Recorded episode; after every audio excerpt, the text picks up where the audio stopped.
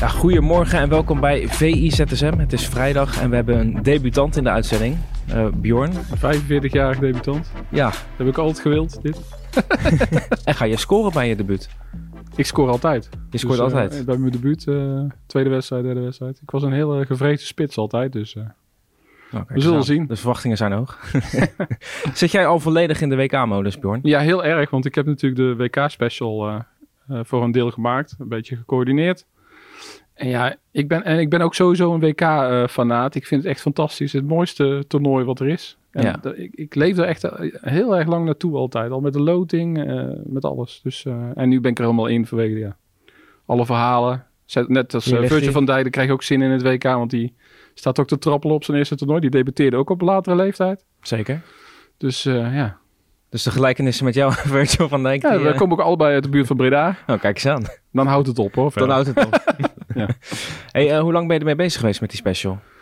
De special, um, eigenlijk best wel vroeg, omdat het, uh, het was een beetje een raar tijdstip. Dus uh, um, de spelers, om die te spreken te krijgen, was best wel lastig, omdat het hele seizoen naartoe gewoon aan één stuk door, doorging. Um, dus moesten we al best wel vroeg met die jongens in de slag tijdens de laatste interlandperiode met de Nations League. En dan moest alles een beetje voorbereid zijn. En dan ja, dus ben je al vroeg bij ze. En dan is het al vroeg begonnen. En ik ben begonnen met de Panini quiz. Dat is ook een van mijn hobby's, de Panini uh, plaatjes. En dan ben je er ook helemaal in. En daarna komen de verhalen. Ja, want ook om, om een beetje te schetsen voor de kijkers en de luisteraars. Um, jij bent eigenlijk chef special. Chef special, ja. Zoals de band. Zoals de ja. ja. Rock Toch? Van ja? Ja, ja, ja, ja, ja, al een tijdje.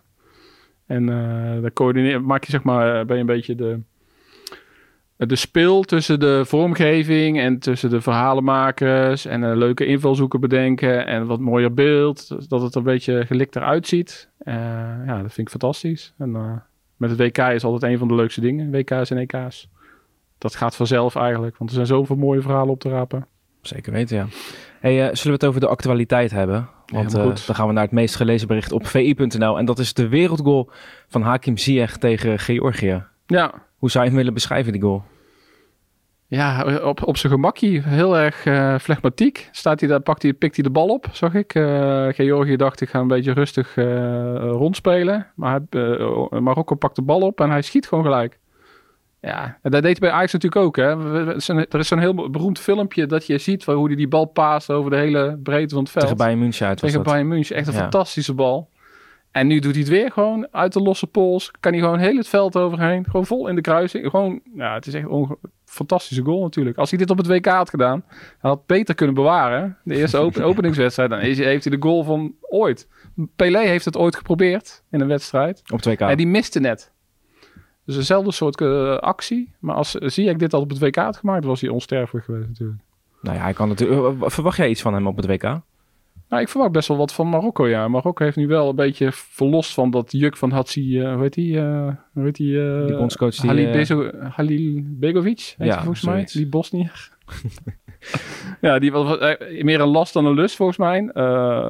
En daar zijn ze, ja, ze spelen ook volgens mij verlost. Uh, Mazraoui erbij, dat scheelt natuurlijk ook. Hakimi en Mazraoui over de zijkanten. Goede verdedigers. Uh, Ziyech die een mooie creativiteit. Een spits die zich helemaal het leplazers loopt. Ja, volgens mij is, zit er best wel wat in. En ja, ik hoop, iedereen hoopt natuurlijk op Ziyech. Dat hij lekker uh, bij Chelsea komt hij nauwelijks aan de bak. Dat hij nu helemaal verlost speelt en uh, laat zien wat hij echt kan. Dat, Ja, we het in, dat we het in Nederland niet verkeerd hebben gezien. Nee, in de oefenwedstrijd Marokko-Georgië werd hij nog vroegtijdig aan de kant gehaald. Maar de mensen hoeven zich geen zorgen te maken, toch? Ja, dat hoorde ik ja. Dat uh, de Marokkanen hebben bekendgemaakt dat hij gewoon ges gespaard werd. voor, uit voorzorg dat hij naar de kant is gehaald. Want hij moet fit aan het toernooi beginnen. Hij is gewoon een van de belangrijkste spelers van Marokko nu. Precies zoals het hoort eigenlijk, toch? Ja, absoluut ja. En dan verwacht je eigenlijk, dat als hij een goed WK speelt... dat hij weg kan bij Chelsea en een mooie stap ja, Ik hoop maken. het voor hem. Want uh, met de nieuwe uh, coach is het nou ook niet veel beter geworden. Die, die gebruikt eigenlijk nog minder dan Tuchel. Potter, ja. Ja, dus uh, ja, zo'n mooie speler is toch zonde dat hij op de bank gaat zitten. Zoals ooit Bogarde bij Chelsea volgens mij vier jaar lang langs de zijlijn liep. uh, alleen maar op trainingen. Wat zou je een mooie club voor hem vinden? Een mooie club. Is, Italië is natuurlijk altijd ook wel een leuke competitie voor. Milan die, wilde hem die hebben, toch? begenadigde spelers. Ja, ja. Ja. ja, dat is een mooie club, toch? Ja, zeker weten. Dat hij zo eh, mag hij een beetje vrijheid eh, op, eh, op nummer 10 positie of op eh, aan de zijkanten zoals bij Ajax. Bij Ajax kreeg hij wel de ruimte en vrijheid en werkte hij ook hard. Ja, toen klopt het gewoon. En nu klopt het niet Nee. bij, eh, bij dat eh, elftal waar iedereen zich de naad, eh, uit de naad moet werken. Hey, zullen we naar het meest gelezen op VE Pro gaan? En dat gaat over de oranje keepers. Ja, het blijft En- een kwestie, hè? Als kop hadden we de oranje kwestie. De keepers worden gek van Frans Hoek. Ja. Ja, Een opvallende kop. Zeker, zeker. Marco Timber en Geert-Jan Jacobs zijn langs een aantal, aantal eh, be- beroemde keepers geweest. Eh, ook die in het Nederlands elftal hebben ge- gekiept. Zoals Hans van Breukelen, Ronald Waterheus. En ze zijn er eigenlijk een beetje over eens dat Frans Hoek doet alsof het hogere wiskunde is. En die maakt er heel eh, van alles en nog wat van. Maar je moet gewoon kijken naar wie de beste keeper is. Ja. En dat zijn die drie niet. Ja, Bijlo, maar die andere twee... Zijn die beter dan uh, Sillissen en eh, Vlekken? Dat vragen ze zich heel erg af. Pasveer sowieso niet in vorm natuurlijk. Nee, nee, die maakte niet echt een goede indruk door naar achter te lopen, wat vaak de beschuldiging is. Dat deed hij nu ook de laatste wedstrijden en toen werd hij gewoon makkelijk gepasseerd. Dus ja. En deze uitspraak is van de keeperstrainer van NEC, toch? Of Nee, deze uitspraak is van, eh, van Waterhuis, die nooit Oh, vies is van leuke uitspraken. ja. Maar eh, zelfs Hans Verbreukelen, die, eh, die, die gaat los. Of die gaat los, die, die ergert zich kapot aan van wat, wat, waar ze allemaal mee bezig zijn. Maar ook natuurlijk de keeper van, van NEC, ja. Want die vertelt bijvoorbeeld van waar ze het vandaan halen dat hij niet goed in de groep ligt. Want bij, in Nijmegen schijnt hij echt, eh, de dragen ze hem op handen.